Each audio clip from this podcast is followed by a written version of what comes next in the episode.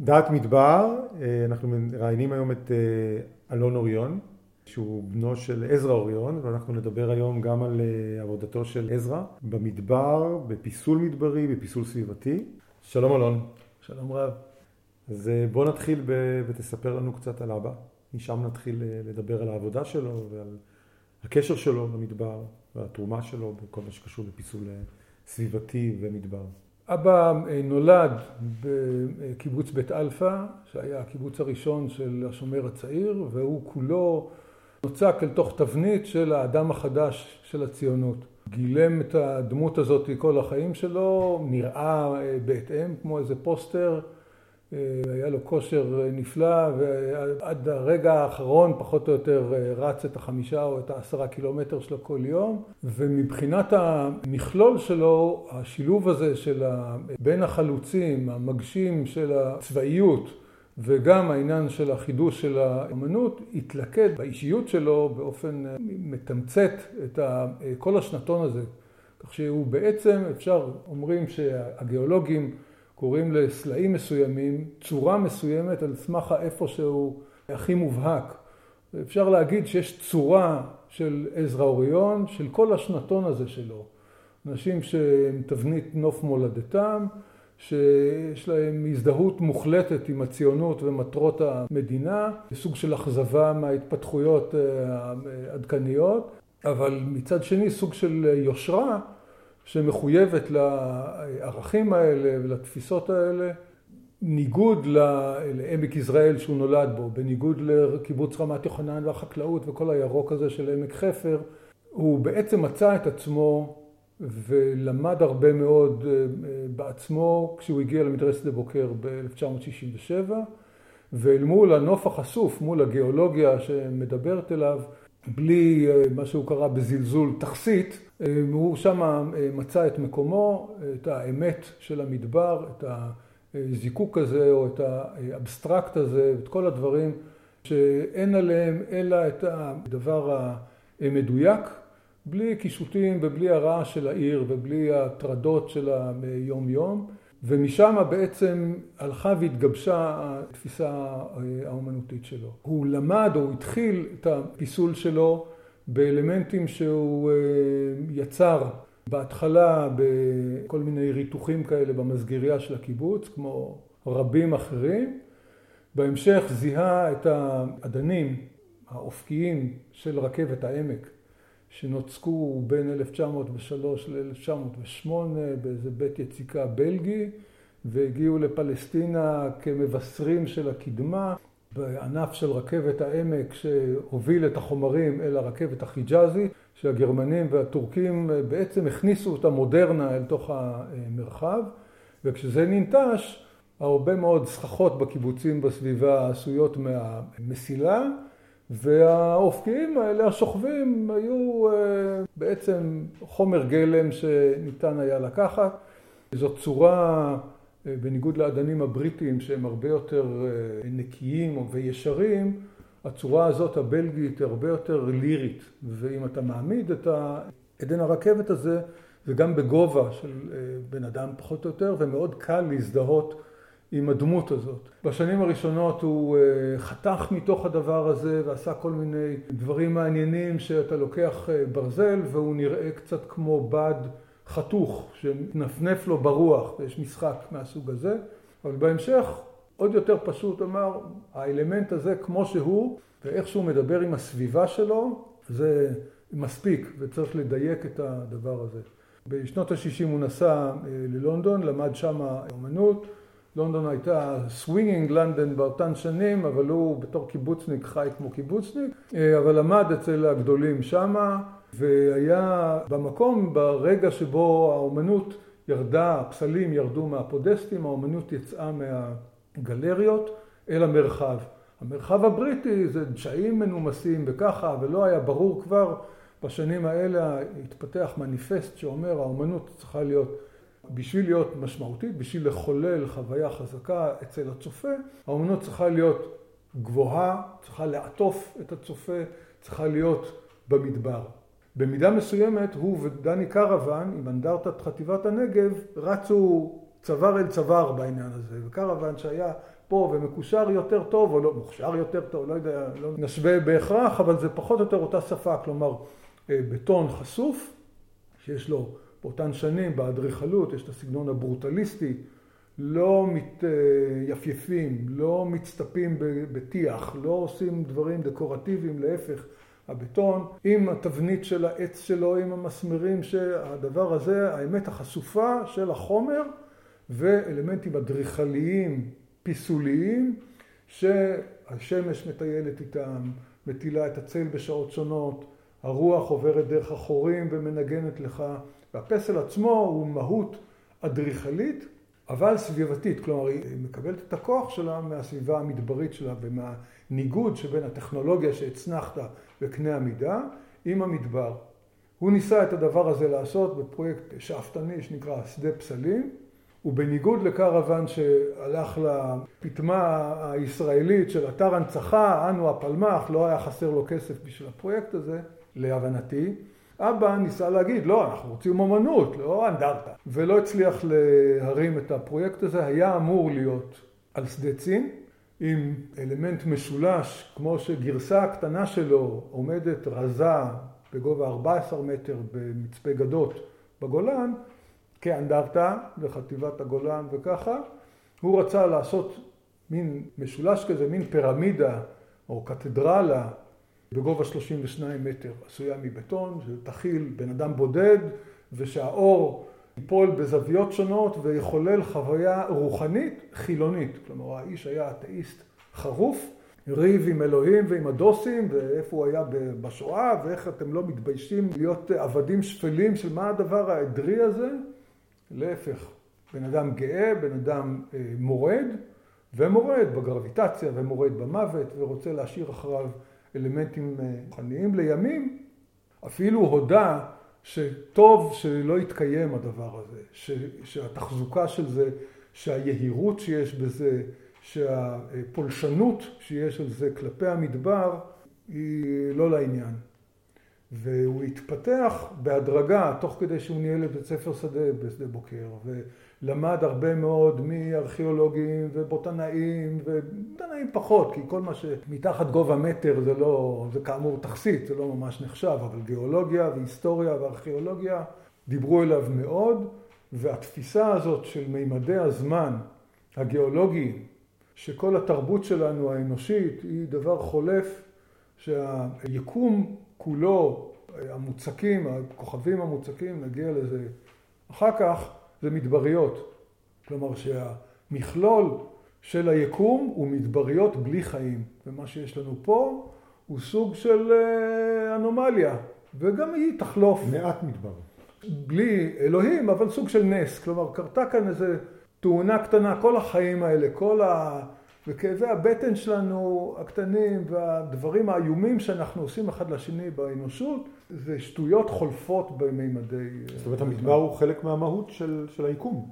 היקום הוא מדבר. כל מה שלא כוכב בוער כמו שמש, כל הכוכבים, כל המוצקים, מדבריות.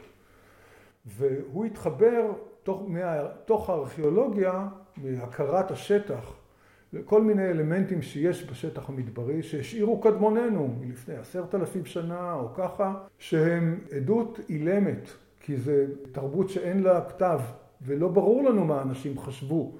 מלבד להסתכל על הפירמידות במצרים, אנחנו יודעים מה, איך, איך בנו אותם ומה חשבו ומה האמינו. כאן בתוך המדבר יש לך על רכסי ההרים, על קו רקיע טומולי, מבני קבורה. יש לך קו של אבן שהולך אה, אבנים, שמחבר נקודה שרק אתה רואה איך הנקודה הזאת מצטלבת וממשיכה בין פסגה אחת לפסגה אחרת לאורך מאות מטרים ואפילו קילומטרים. אזור הר רומם. כן, כן, קווי K מה שנקרא. הסוג הזה של הדיבור היה מאוד משמעותי לו. ההתחברות אל הדבר הזה הרגישה לו הדבר הנכון לעשות, ולכן הוא מתח קווי אבנים על שדה צין, אל מול חוד עקב, אל מול מחשוף של אה, עין עוף דת, והרעיון הבסיסי הוא, להשערתו, כמו הקודמים, רק אנחנו, בני האדם, יודעים לזהות את הקו. כי אם אתה פורס 800 מטר או קילומטר של קו אבנים, שזה אבן ואבן ואבן ואבן. עובר חרדון בין האבנים האלה, לא מזהה. אבל כשאתה עומד, ואפילו אם אתה עומד בזווית אחרת, אתה לא מזהה. אבל אם אתה עומד במקום שבו האבנים מתלכדות, ואתה רואה שהקו הזה מושך אותך לאיזו התרוממות בשטח, לאיזה חוד עקב כזה, או לאיזה מפתח, לאיזה מצוק, בעצם, לטענתו, יש כאן סוג של פיסול, כלומר, גם הכוחות של הטקטוניקה שמפסלים את כדור הארץ בתנועה של הפלטות, שהרים נדחסים ומתרוממים, גם בהתרוממות הזאתי יש סוג של מרד בגרביטציה. כי בסופו של דבר הגרביטציה תכריע את כולנו. נמות, נהיה אופקיים ונתרבד כמו בסלעי משקע עוד ועוד שכבות של אבק וצדפים. וכל התרוממות, ודאי ההתרוממויות הגיאולוגיות, כלומר 8,000 מטר של הימאליה, הדבר הזה הוא סוג של מרד ביקום ובגרביטציה. והתפקיד של אדם יוצר, לצורך העניין פסל, הוא לקחת משהו, איזשהו מבנה רצוי לקוני, רצוי באבן מקומית, בבנייה יבשה, איזה מדרגות, איזה אתנח, איזה קו של אבנים, איזה משהו שבאמצעותו אתה מכוון את ההכרה אל איזשהו אלמנט בולט בשטח, אל איזה פסגה. ואז יוצא מצב שבו אתה בעצם יוצר מין משגר של הכרה, הצופה הרגיש כמו שהוא קרא לזה, בדרך כלל לבד, זה לא אירוע של 300 איש, הייתה מגיעה קבוצה, הוא היה מסדר אותם, אומר להם ללכת, ללכת רחוק אחד מהשני, שלא יפטפטו, כי אנחנו קשקשנים בלתי נלאים, גם בשטח, אבל אם אתה הולך לבד, יש סיכוי שתיפתח אל המדבר ותראה את הדבר הזה ותחשוב את המחשבות שלך, וגם כשהולכת קבוצה, שאנשים הם עצמם הופכים להיות חלק מהפסל, כי אנשים כמו קו של אבנים אמנם צועד לכיוון המטרה הזאת, הם עצמם יוצרים את הקו החי הזה, הכוריאוגרפיה המובהקת הזאת. והרעיון הבסיסי פה הוא שתתחבר אל הקו הזה שמפנה אותך אל הפסגה, ומכאן בניצב למישור הגלקסיה אל האינסוף. הפגישה הזאת התפתחה, כלומר עזבנו את שדה פסלים שהיה היבריס בבטון ובטכנולוגיה, הצטנענו והתחברנו אל העבר שלנו כבני אדם, המודעות למוות שלנו, הרצון שלנו לעשות איזה משהו, איזה קבר, איזה יד בטומולים האלה, או בנאוומיסים האלה, או בקווי האבנים האלה, כשמכוונים אל הפסגות. הדבר הזה הוא לא רק במדבריות בסיני, בנגב, אלא גם במדבריות השלג בשיא של העולם, מה הבעיה? בכל מצב, מחפש את המקום הגבוה, את השטח השולט בתור איש צבא, וההימאליה זה היה יעד ברור, כי זה השפיץ, האקרופוליס של העולם, והבקעה של הנפורנה היא במין מכתש מאוד דרמטי, הוא קורא לזה גיאו-תיאטרון, מאחר וכשאתה הולך לאברסט נניח, אתה הולך שבוע וזה פחות או יותר אותו דבר, כי אתה כל כך קטן וכל כך גדול. כשאתה נכנס לבקעה של האנפורנה, אתה עולה בעצם בנקיק כזה, ופתאום מגיע למקום שאתה מוקף בפסגות של שמונת אלפים, שמונת אלפים מאה, מקום מאוד מאוד מרשים. ואם אתה בונה שמה גרם מדרגות, שמתאים לבן אדם ללכת לאורך 30 מטר ולאט לאט לצבור את הגובה שלו, והמדרגות האלה מטפסות בנוחות ככה שאתה לא צריך להסתכל איפה הרגליים שלך, זה מסודר. ואתה עולה במדרגות האלה ואתה ניצב על סוג של במה שנמצאת על ראש של בולדר, שהגובה שלו הוא חמישה מטר. אתה לא רואה בעצם על מה אתה עומד, כי הכתפיים שלך מסתירות לך את הדבר הזה, אז יש תחושה של התרוממות, ואתה, אם אתה ממשיך ומפליג עד לפסגות של ההר והלאה משם אל היקום, זה כבר תלוי בך וכמה ההכרה שלך יוצאת לדרך. וזה בשיא של הגיאוגרפיה, הגבהים של הגיאולוגיה שיש בכדור הארץ. אבל מאחר והתפיסה היא שכל היקום הוא מדבריות, אז אם אנחנו יכולים, ויש כבר טכנולוגיה, שלחנו משהו, הגיע למאדים, יש שם ג'יפ כזה, ויש לו זרוע כזאת, אז הוא נסע אל המפקדה של נאס"א ונפגש עם הבן אדם העסוק שיש לו את התואר, הוא מנהל מערכת השמש או משהו כזה, ואמר, תשמע, זה חיוני, זה נכון, זה חשוב, לעשות את הדבר הזה, הרכב הזה, המרס רובר שהשקיעו בו ככה וכמה מיליונים, הוא ייצר קו של אבנים או יחרוט איזה קו, וזה יהיה השילוב של האומנות המוקדמת ביותר שלנו, המזוקקת ביותר באבסטרקט שלה, במקום הכי רחוק שאנחנו יכולים להגיע אליו, כלומר למדבר של המאדים, יש שם מה שנקרא ואליס מרינריס, שזה איזה מין קניון עם קירות בגובה תשעה קילומטר או איזה משהו כזה, אם נכוון אל הדבר הזה קו, שלא יכול לקרות ממטאוריטים שנופלים או סתם אבנים שמתגלגלות. היינו פה, כלומר אם אנחנו נשים קו על המאדים, הרבה יותר מהגרוטאה הזאת של המרס רובר שתחליד או תתעייף ותתקלקל, הקו הזה יהיה לנצח, כי כוחות הבליה שם מאוד נמוכים, אין שם איזה רוח חזקה או משהו. מה שעשית אפילו ברמת החריטה על המישור, יישאר פחות או יותר, ועדיין תעמיד קו של אבנים שיכוון אל הדבר הזה. אז הוא ניסה גם את הדבר המדברי הזה הכי רחוק שאפשר. הוא עבר משם הלאה למחוזות עוד יותר מופשטים, מתוך תפיסה שהוא היה מצטט, הוא ערך חוברת שנקרא הסביבות. במהלך החוברת הזאת הוא היה העורך שלה והרוח החיה שלה, והיה נוסע ומדבר עם כל מיני אנשים. סופר עסוקים, פוליטיקאים, מדענים, כל מיני שכאלה. למרות שאתה עסוק, הוא היה אומר, תמיד אפשר, אם אתה מכוון מספיק רחוק, אז עוד שלושה חודשים, עוד שלוש שנים, יימצא הזמן, ולבן אדם אולי יהיה לא נעים לבטל אחרי פעמיים, מתיישב מולו ושואל אותו שאלות כלליות כאלה. כלומר, אנשים בדרך כלל מתעסקים בפרטי הפרטים של הקוניונקטורות שהם צריכים ביומיומי, בשגרה, לא, כאן יש איזה משהו, תן איזו אמירה כוללת, תן איזו תובנה. והאנשים האלה, אחד מהם אסטרופיזיקאי, שאל אותו, תגיד, בא לברר את הנקודה המדעית, האם זה נכון שאין הבדל עקרוני בין חומר ואנרגיה?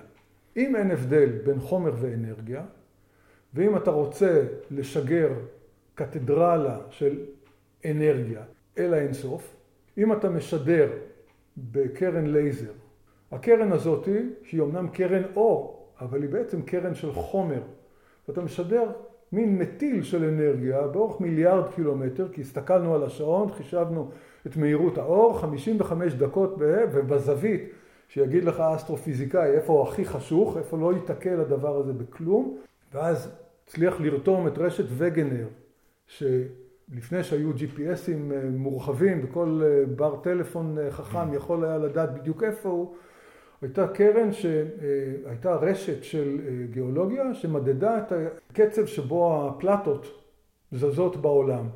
והיה עובר לוויין ומקבל כל 24 שעות ביפ, הייתה פולס כזה של קרן לייזר הייתה נשלחת והוא היה מחזיר את זה והיו יודעים לחשב איפה הם נמצאים אחד יחסית לשני, כל זה נעשה כאמור מיליונים של, הוא הצליח לשכנע את האנשים האלה, מנהלי התחנות במצרים ובגרמניה וככה ככה 16 מקומות כאלה, להיות בזווית מסוימת וביום מסוים, לשדר 55 דקות וכמה שצריך בשביל אלומה כזאת, אסופה, קתדרלה של מיליארד קילומטר של אור והדבר הזה משולח ומתרחק ללא הרף, והוא ממשיך להתרחק גם עכשיו, כי הוא מכוון כאמור אל איפה שאין כוכבים מדבריות או משהו שיכול להתקל בהם, בעצם ליצור, אמנם קונספטואלי, אבל יגיד לך אסטרופיזיקאי אמיתי, זה, זה מסה. בפיזיקה זה מסה, וזה מתקדם לו אל האינסוף, פיסול נצחי, הכי נצחי שהאנושות אה, עשתה, כלומר השילוב הזה שאתה עומד ורואה קרן אור כזאת, לייזר, ובעצם בראש שלך מתחבר כל המכלול הזה של האומנות, האמירה האנושית, המרד נגד החולף והמוות, הפיסול הזה שהוא נוצר בקנה המידה האינסופיים הבלתי נתפסים של היקום, זה התמצית של, ה, של האיש.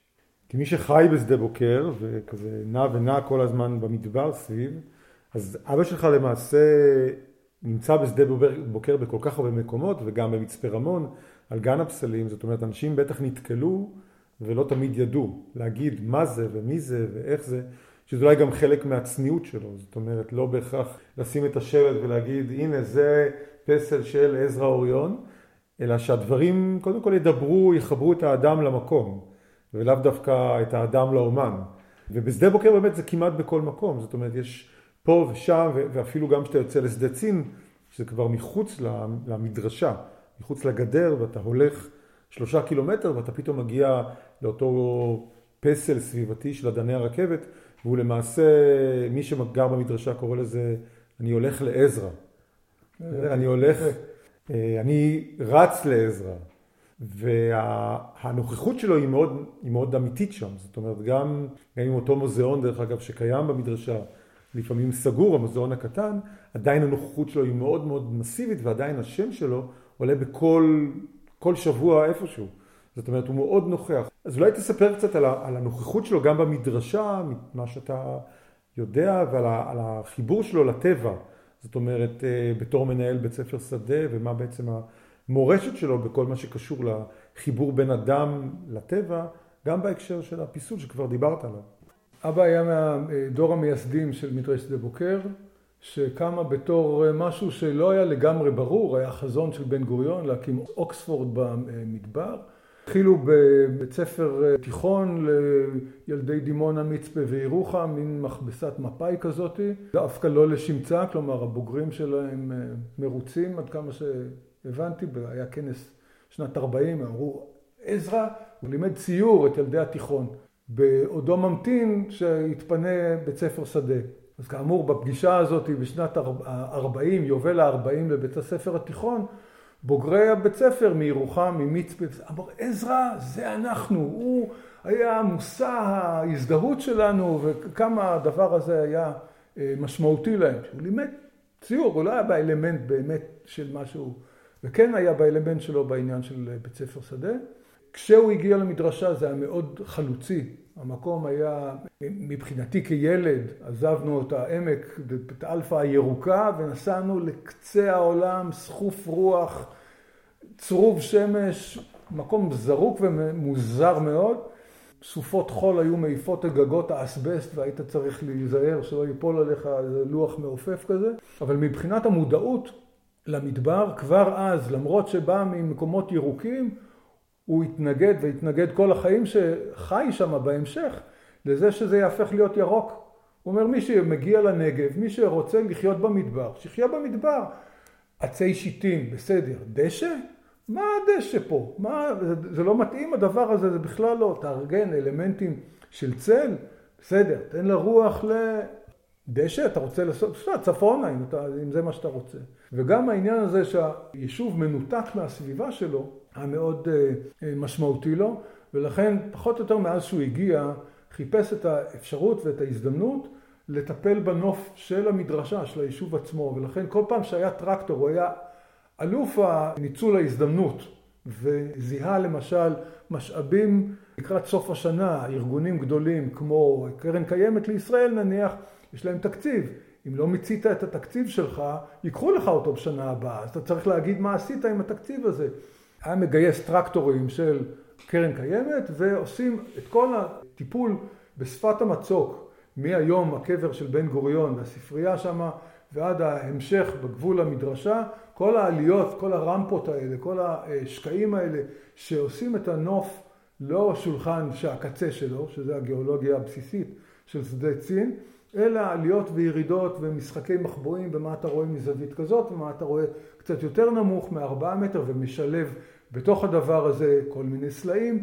מכלול הזה של סלעים שאתה נמדד אל מולם, כלומר שאתה עומד ליד סלע ששוקל, לא יודע, חמישה טון וגבוה ממך בשני מטר, יש סוג של הימדדות גם במסע וגם בציר הזמן שבו אתה מדבר. העניין הזה של אדם במדבר, הארכיאולוגיה שלו, הפרה-היסטוריה שלו, ההיסטוריה שלו מאוד מאוד העסיקה אותו, היה מאוד אה, רציני בעניין הזה, וצוות המדריכים שהוא אה, ככה הרג סביבו והמדריכות היו נוסעים מ-4 בבוקר הג'יפ היה זז, אם הגעת ב-4 ושתי דקות לא יעזרו לך התירוצים, ונוסעים בשביל להכיר את המרחב היטב. היו אה, שמים נניח מועמדות לבוא למורות חיילות, היו שמים אותם עם מימייה ומפה בתחתית אה, מכתש רמון, ואומרים להם להתראות עוד 24 שעות בנקודה הזאת והזאת. וזהו, כלומר זה לא GPSים וטלפונים חכמים ואמריקאים של מה יקרה עם הביטוח אוי אוי אוי. יש הכרה טובה של השטח, ידיעה טובה של הגיאולוגיה, היכרות אינטימית בעצם עם המדבר, והמכלול הזה מאפשר לך, כלומר כל הרעיון של בית ספר שדה, שהוא לא מדריך תיירים שנוסע עם האוטובוס ואתם יכולים לצלם פה, נרד, נעלה, נמשיך הלאה, אלא שהות וטיולי גב ויממה שלמה שעוברת בתוך השטח ואיך אתה מתנהל בו ואיך אתה חווה אותו, את הפרשי הטמפרטורה ואת היובש בפה.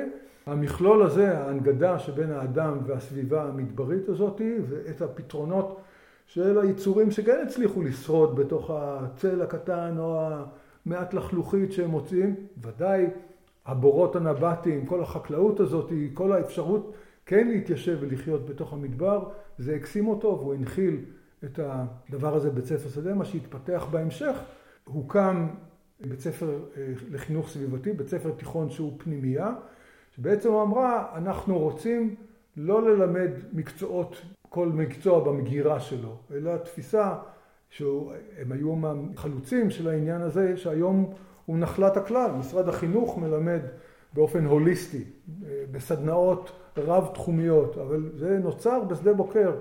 אבא ועוד כמה אנשים סביבו, וסביבם יצרו... משה שחר כאן. כן, יצרו תורה שלמה של חינוך סביבתי, שהקרין אחר כך משם לכל הארץ בתפיסה הבינתחומית ובקשר שבין המערכות השונות, הדיסציפלינות השונות והמכלול אה, שנוצר מזה, וקודם כל המדבר. כל התפיסה הזאת של חיים במדבר, בראות עיניו, את מה היא משרתת? למה אדם בעצם צריך לחיות בסביבה שהיא כל כך מאתגרת, עקה כל כך, מה זה נותן לאדם? מה בעצם האדם מקבל מתוך ה... אני יכול רק אה, להכליל ואולי נקריא אחר כך מהטקסטים, כי אין שם ממש התייחסות ברורה, אלא כי זה היה כל כך מובן לו.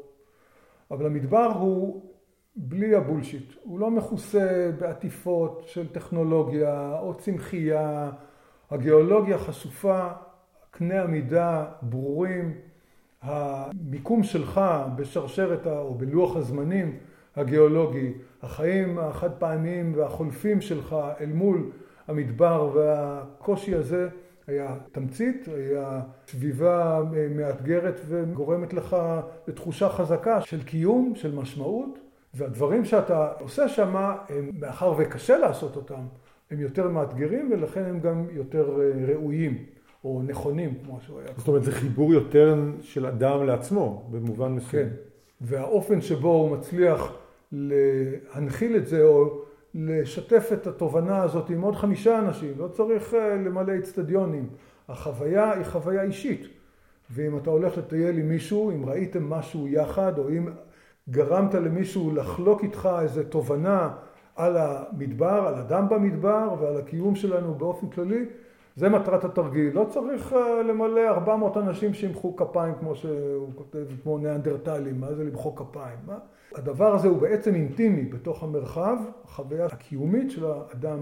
אם ניקח את זה לשפה של ימינו, אנחנו לא צריכים את הווירליות הזאת, אנחנו יכולים להסתפק ב... זה נכון, אבל אם נקלף גם את זה, אתה רוצה, תרד מקו ה-200 מילימטר גשם, תצא למדבר, תגיע, תאכל קצת אבק, תתרחק מהמסך שלך ומהלייקים ומישהו ומהצילומים והאינסטוש וכל התפלות הזאת, מה, מהרעש האינסופי הזה, מהפרעת הקשב המציפה אותנו. צא למדבר, יש שם שקט, ובתוך השקט הזה, בלי להיות יותר מדי גורו רוחני, במעט תמצות של מילים, בהרבה מקפים בין המילים האלה ובשתיקות מאוד ארוכות, נותנים לתובנות שנמצאות בך ולסביבה שאתה נושם אותה, בלי הרעש של הלייקים והרשתות והטכנולוגיה. ולכן היעדר הצפיפות והרעש העירוני וכל ההסחות האלה, זה בעצם מה שעניין אותו, הסביבה, לעשות דברים במדבר. למרות שהוא היה אומר, ההתלבטות בתור אה, פסל סביבתי, אתה הרי מפריע לסביבה. בעצם זה שאתה נניח על מה שנקרא בזמנו גבעת ההסרטה, הרלסים האלה שעומדים 25 רלסים על שפת המצוק של שדה צין. בקצה שדה צין צריך להתאמץ ולהגיע להתאמץ. יש אנשים שלא רגילים או מוכנים ללכת שלושה קילומטר ל- לראות אומנות. חוויה שאתה חווה אחרי שעשית את שלושת הקילומטר האלה, ואחרי שראית אותם מתקרבים והולכים, ואתה עומד ביניהם ורואה את היחסים, האם הם פונים אחד על השני, הם פונים אל הנוף, ואתה מדמיין מה כל אחד מהם חושב. עבודה לירית נפלאה, בכל הפעמים שהייתי שם ראיתי דברים אחרים, כמובן מזג האוויר שונה, בגשם ראיתי את זה פעם, אה, שקיעות, זריחות, דברים נהדרים. היו אנשים ספציפיים, למשל אחד רפי בכרך שהיה המזכיר של קיבוץ שדה בוקר, מהמייסדים של קיבוץ שדה בוקר, זה היה המקום שלו, ריק מבחינתו, מי עזרא שבכלל יביא את ה...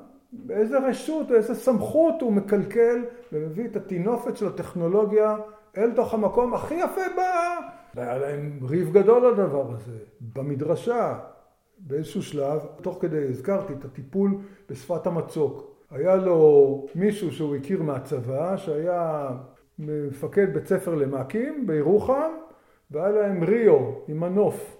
והוא גייס את הריו הזה להציב סלעים שיעמדו כמו בקו של האבנים הקטנות יחסית על שדה צין, אבנים גדולות, בולדרים, שיעשו דבר דומה מתוך היישוב לכיוון חוד עקב. ואת זה הם עשו בלילות בהקשר של הירח, מתי שהריו הזה פנוי, שצה"ל לא ידע. הערבוב כאן בין הצבאיות, הדבר התקני והחזון או הסמכות, הוא מרתק בפני עצמו, מכיוון שקו האבנים הזה יצא שהוא בול מול החלון של מישהו שקנה מגרש, בנה וילה, רצה חלון אל מול חוד עקב, ופתאום בא לו איזה מישהו ושם לו קו של אבנים.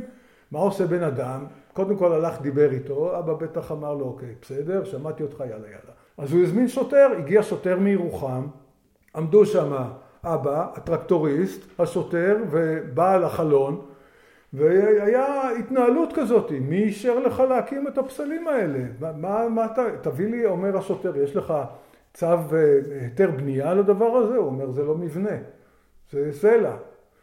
יש לך היתר, לא, אף אחד לא נותן היתרים לבנות אה, דבר, ואני מפסל פה ב... השוטר באיזשהו שלב איבד אה, סבלנות ואמר, נו יאללה, תנו לי לנסוע מפה, תגמרו את העניין הזה ביניכם. והפשרה הייתה שמשכיבים את האבנים האלה. אז יצאנו כאילו, הוא רואה את הנוף מהחלון שלו, והאבנים, אני מקווה מתישהו נחולל את האנרגיה להעמיד אותם חזרה.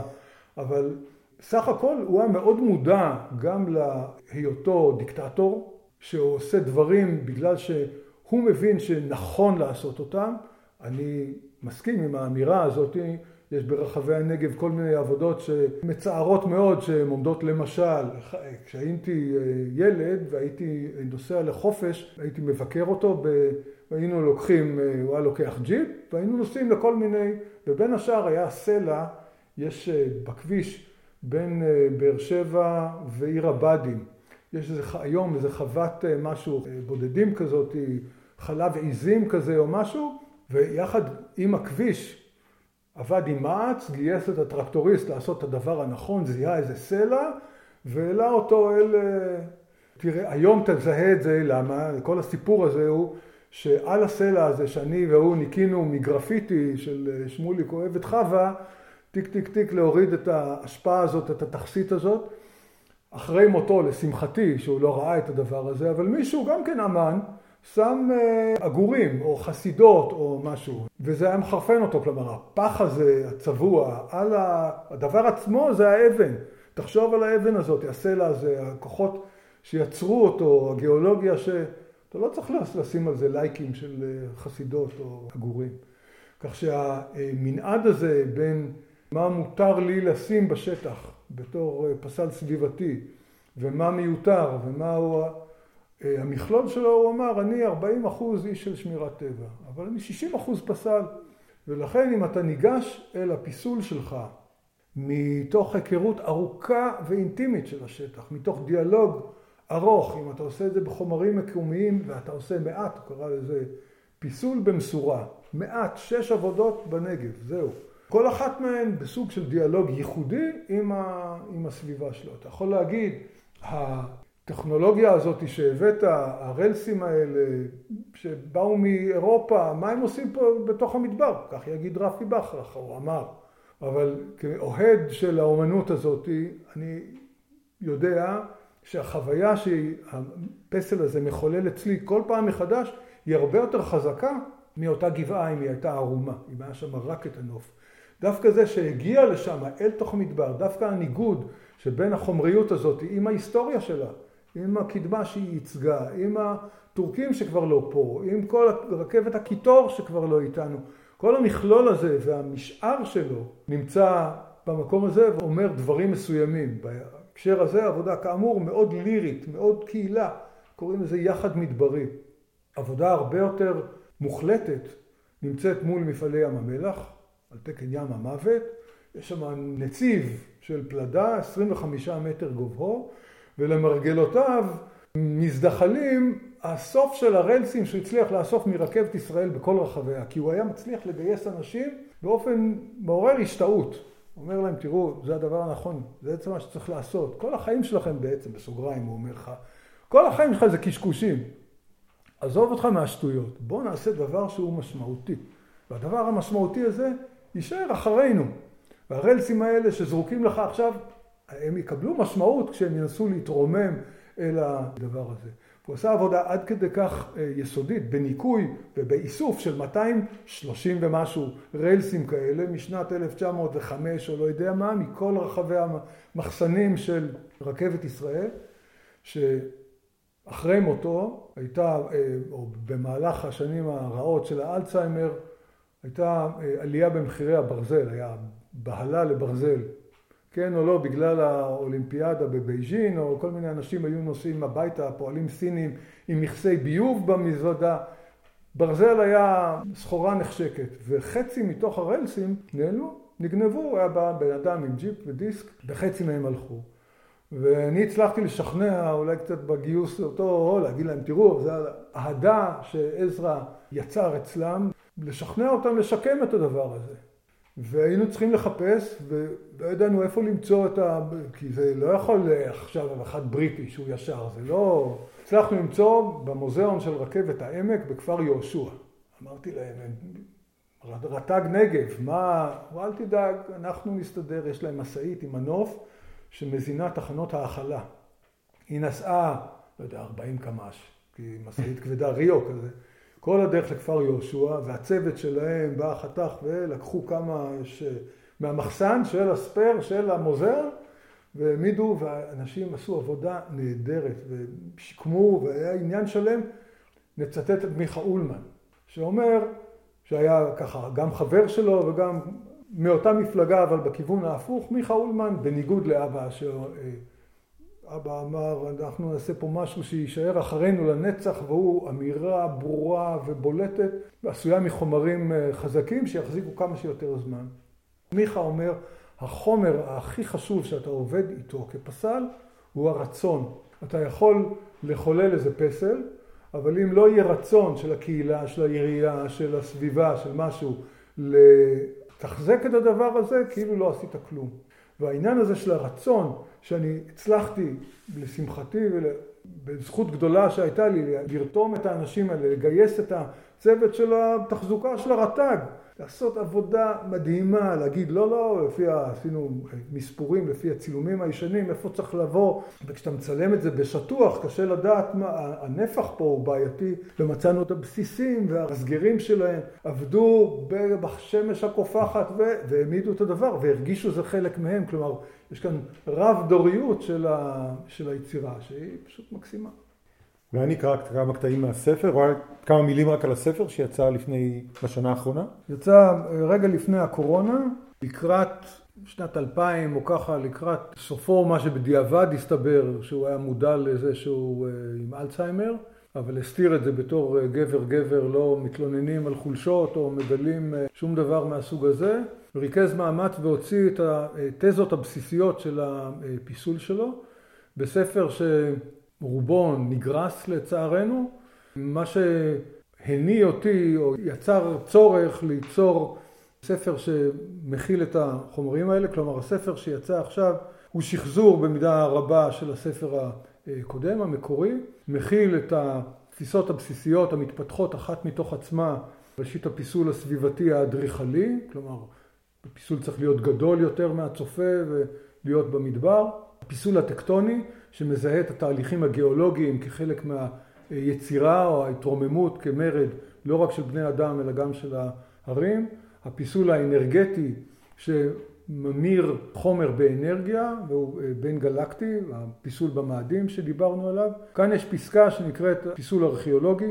הספר מכיל ומרחיב את האמירה האומנותית של אבא שהייתה בספר הקודם, בלי לחלוכיות, סיפורים אישיים וככה, כולל רעיונות של חברים שלו, אנשים שעבדו איתו, קצת אלמנטים של ביוגרפיה, מאיפה הוא בא, וכל הצורה הגיאולוגית הזאת של האנשים ילידי אחרי מלחמת השחרור, מי שהחמיץ את האפשרות להילחם, ב... אבל התודעה שלו אה, ודאי התעצבה סביב מלחמת השחרור. מי שנולד ב-34 איחר את המלחמה הזאת, איחר את המלחמה הקודמת במלחמת האזרחים, ששם עשו את הדברים הנכונים ועלו על הבריקדה. כלומר, הוא חי בתחושה רבה של החמצה, שהוא איחר את האלמנטים הגדולים, אבל יצר לעצמו את הביוגרפיה ההירואית שלו. הקטע הזה נקרא פיסול ארכיאולוגי, הולך ככה. החיים באזור מדברי יכולים להיות מפגש איטי עם מסלע חשוף, עם סלעיות קשוחה גרמית, איטית ללא שיעור. סלעים הם מאגרים אילמים של דומייה, מתרחקת לאחור אל היווצרות מערכת השמש. הגיאולוגיה מזהה מולך שכבות קרטון וגיר, שנרבדו ונסתלעו לאיתם 35 עד 80 מיליון שנה לפניך. היא מזהה שכבות נטויות עד ניצבות של גיר, דולומית וצור, העוצרות 80 עד 100 מיליון שנה. סונון עד קנומן. מזהה לאורך השבר הסורי-אפריקאי מחשופי סלע גבישיים פרה-קמבריים בני 600 עד 1,000 מיליון שנה ויותר. סלע הוא מיקרו-יקום. גיל רוב סלעי הנגב הוא בין 200 ל-20 מיליון שנים, ומתחתם משתרע הקמבריום, ומתחתיו ובתוכו האסטרו-כבשן. הימדדות מול המסלע היא חוויית התחברות הלעומת. נוכח מימדי הזמן, החלל, האיטיות, הדומייה, טווחי שנות אור. בהר הנגב ובסיני ישנם שרידי תרבויות של חצי נוודים מתקופת הברונזה, אשר עיצבו קווי אבנים ארוכים. הבולט שבהם הוא קו אבני גיר מקומיות, הבנוי ברוחב כמטר, בגובה של 20 סנטימטר ובאורך של ארבעה וחצי קילומטר. מהר המון אל הר רומם. אנשים אלה מיקמו מאות קברי ראשי בית האב או ראשי השבטים שלהם על קו הרקיע ועל פני פסגות המסלע. העבודות שעשיתי על פני שדה צין, על פסגת הר ארדון שמעל מכתש רמון, מול הר אריף ענקה ומול פסגת האנפורנה. העבודות האלה משתייכות מהותית לפיסול הארכיאולוגי הזה, ובהם גם נוכחות לקונית באבנים שהוסעו בתהליכי הבליה. ישויות גיאומטריות בהן מכריעה הבחירה הגיאו-פיסולית. האיתור המדויק והפניית הציר מול שיאי הנסיקה הטקטונית, ישויות, פיסול, הן משגרים. משגרים של התודעה. אני מנסה ליצור אנטיתזה מדברית לרוב רובו של הפיסול הקיים. זה קשור בתפיסה של מצבו של האדם. חולף, מקורקע, אבל החלק העליון שלו, ההימאליות שלו, הכי רחוקות מהאדמה. כאילו אנטיתזה לכבידה. לכן הוא יצר קתדרלות, ולכן אני מנסה ליצור משגרים אופקיים ומזדקרים של ההכרה האנושית. זה הוא אמר בנפאל ב-93. חלק מתוך אה, המונולוג שהוא עמד מול המצלמה ופרס את משנתו ב-96, בפעם הרביעית והאחרונה שהוא הגיע לנפאל, שיקם את הפסל, תיעד ונפרד ממנו. הספר מופיע המונולוג השלם, כולל הסיכום של כל המהלך הזה להגיע לאתר ארבע פעמים, לתקן אותו, לראות אותו מתחלף, כוחות הבליה שעובדים עליו. פיסול סביבתי בכל מדבר צריך להיות ברגישות גדולה. רק אחרי שאתה תופס באופן מאוד מעמיק את האישיות של הסובב הזה, רק אז, בפעולה רב-שנתית, יש מקום לפיסול לקוני. אל האברסט אתה עולה ומתקרב חזיתית, דרך קרחון בפיתולים סתמיים. אתה רואה את אותה חזית לאורך כל הדרך. בקעת הנפורנה היא אליפסה סגורה. כשאתה נכנס אליה, אתה רואה את הפסגה של הנפורנה בבת אחת מולך. הפסגות סביבה הן גאו-אמפיתיאטרון, אולי נאו-קתדרלה. הפסל שם הוא אחד המהותיים בחיים החד פעמיים האלה שלי. מי שהולך בשביל ורואה את הפסל פתאום, מקבל מכה על התודעה. זה לגבי הפיסול במאדים. כוכבי הלכת הקרים, כל המוצקים ביקום הזה הם מדבריות. הפיסול המדברי יכול להמשיך רחוק יותר. ממש לפני 40 יום נפגשתי במפקדת נאס"א עם אחד הבכירים שלה. דנתי איתו על האפשרות לבצע פיסול מדברי במאדים. אני בדיאלוג מסוים עם מדען בכיר ב-JPL בפסדינה ליד לוס אנג'לס. כבר בחדר ההמתנה יש צילומי ענק של נוף מדברי על המאדים. זה די דומה לחמדות שלנו בנגב. המדען הבהיר לי שכבר ב-76 נחתו שם, במדבר המאדים, שני לנדרים, צילמו לראשונה את פני הקרקע שלו, אפילו חרשו תלם דקיק, איזה 60 סנטימטר. לקחו דגימת אבק. כל המדענים עמדו על קצה האצבעות כדי לקבל את הבשורה שנפלט CO2, שיש לנו קרובי משפחה שם.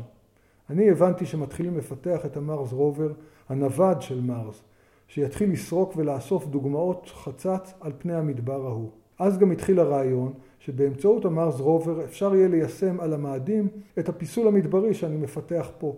זו תפיסה שפיתחתי בהדרגה, לא במרוץ לטווח קצר ולא בקפיצה מהאמבטיה וריצה נוטף ברחוב מצאתי מצאתי, אלא בשלושים השנה האחרונות. ואליס מרינריס הוא מבוך של קניונים המבקע לאורך ארבעת אלפים קילומטר את אזור קו המשווה של המאדים. תוצאה של מאמצי התרוממות ומתיחה טקטוניים. בחלקה המרכזי של מערכת זו משתרע קו מצוק שאורכו 800 קילומטר. חומת סלע אנכית שגובהה 9,000 מטר.